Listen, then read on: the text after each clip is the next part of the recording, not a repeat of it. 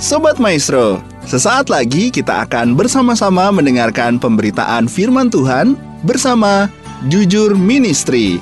Selamat mendengarkan.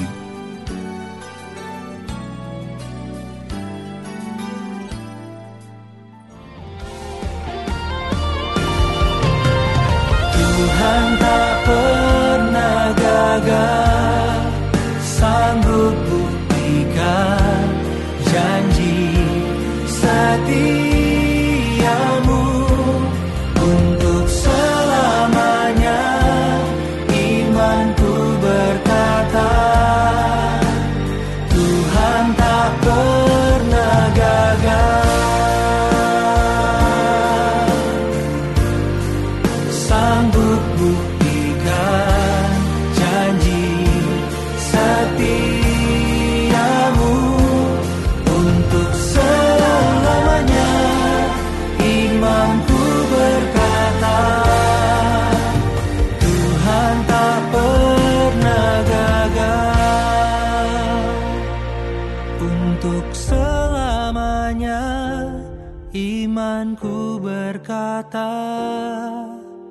Tuhan tak pernah gagal.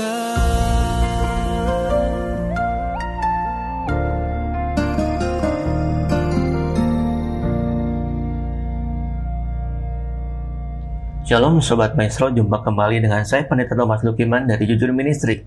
Visi dan misi dari Jujur Ministry adalah visinya melayani dengan kasih sesuai dengan perintah kerajaan Allah, menjadi perpanjangan tangan Tuhan bagi orang miskin, sesuai dengan firman Tuhan yang terdapat dalam Galatia pasal yang kedua, ayat yang ke-10, dalam Yohanes pasal yang ke-6, ayat yang ke-11, dan dalam Matius pasal yang ke-25, ayat yang ke-35 sampai ke-40.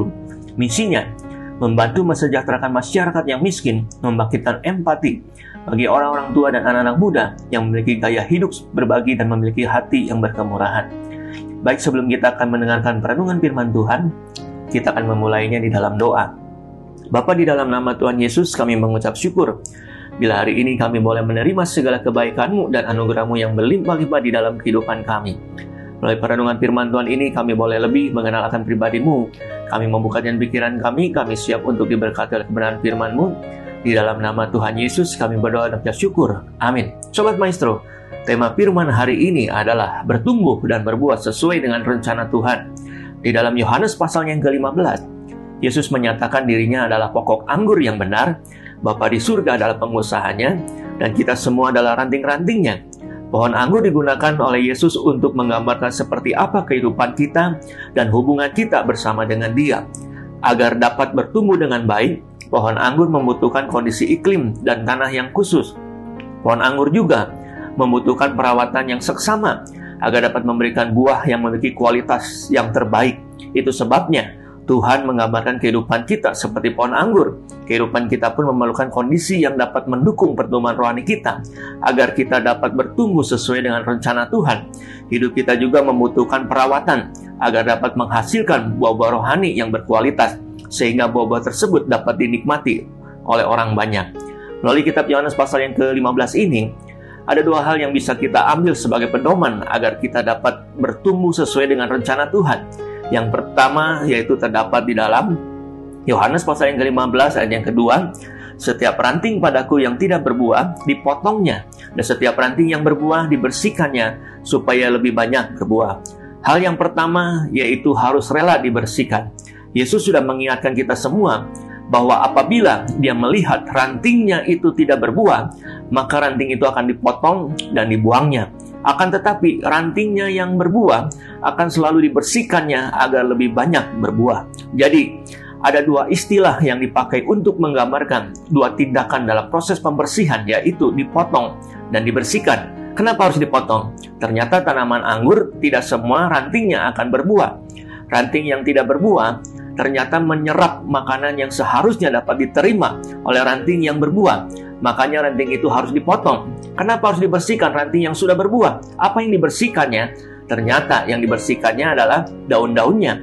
Hal ini perlu dilakukan bagi para petani anggur karena dengan memangkas daun-daun anggur, maka cadangan makanan dapat tersalurkan langsung kepada buahnya dan untuk mengurangi proses penguapan. Karena anggur yang baik justru tumbuh di daerah yang tidak terlalu berlimpah air. Jika terlalu banyak air, maka anggur yang dihasilkan tidak lagi manis sekalipun berbuah lebat. Oleh sebab itulah, untuk menjaga kadar air supaya tetap stabil, perlu dilakukan pemangkasan daun agar memperoleh hasil buah yang optimal. Melalui kebenaran firman Tuhan ini, sebagai orang percaya, kita diajak untuk mampu menjadi ranting yang dapat menghasilkan buah secara optimal dalam artian dapat dirasakan manfaatnya oleh banyak orang dan membawa dampak yang positif bagi kehidupan orang lain.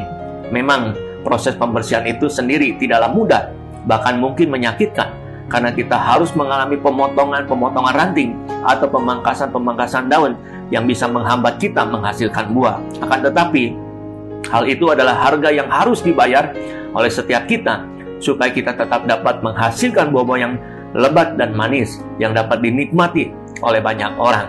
Kira-kira hal apa saja yang menyebabkan kehidupan kita sebagai orang percaya mengalami pasang surut? Kadang berbuah yang manis, kadang berbuah tapi pahit, atau malah kadang tidak berbuah sama sekali. Ada hal yang dapat mengganggu pertumbuhan rohani kita, bahkan akan menghalangi kita untuk dapat menghasilkan buah yang baik. Jika demikian, apa saja yang harus dibersihkan atau dipangkat dari orang percaya agar kehidupan kita dapat menghasilkan buah yang lebat dan manis itu, hal-hal yang tidak berkenan kepada firman Tuhan itu yang harus dihilangkan dari pertumbuhan kehidupan rohani kita.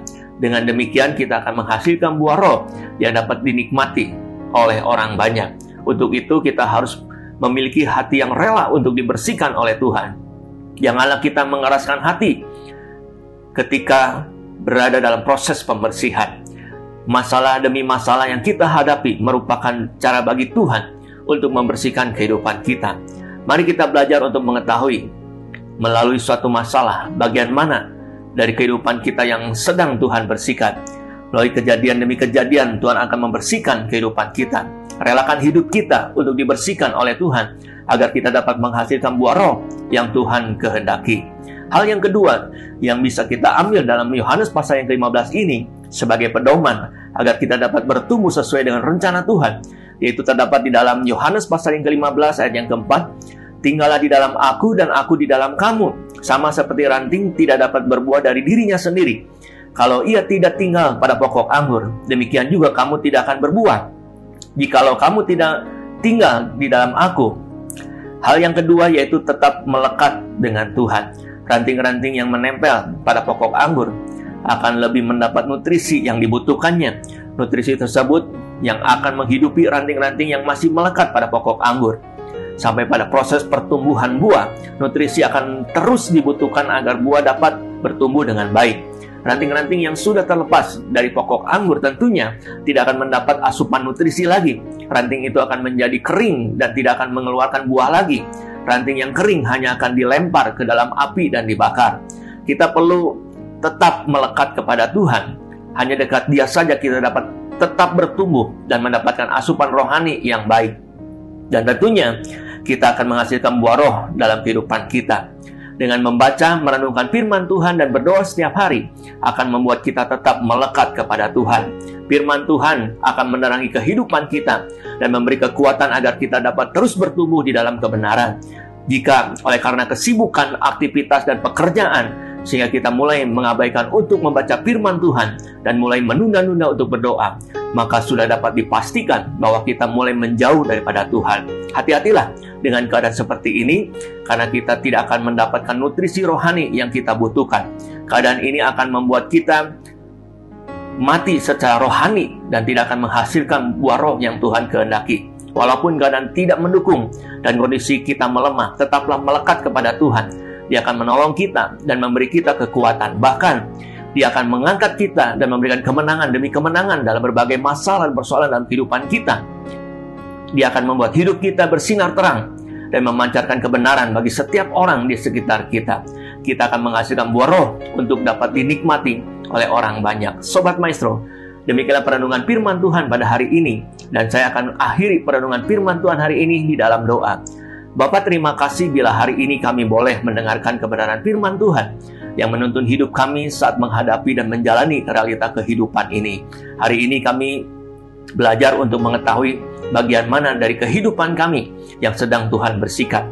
Kami rela untuk dibersihkan olehmu Tuhan, agar kami dapat menghasilkan buah roh yang Tuhan kehendaki dan dapat dinikmati oleh orang banyak. Walaupun keadaan tidak mendukung dan kondisi kami melemah, tetap kami akan melekat kepada Tuhan. Engkau akan menolong kami dan memberikan kami kekuatan. Bahkan Engkau akan mengangkat kami dan memberikan kemenangan demi kemenangan dalam berbagai masalah dan persoalan kehidupan kami. Materaikan firman-Mu di dalam hati kami, agar kami dapat melakukannya dan menjadi pelaku-pelaku firman Tuhan yang hidup. Di dalam nama Tuhan Yesus kami berdoa dan mengucap syukur. Amin. Saya Pendeta Thomas Lukiman mengucapkan terima kasih dan Tuhan Yesus memberkati kita semua. Shalom.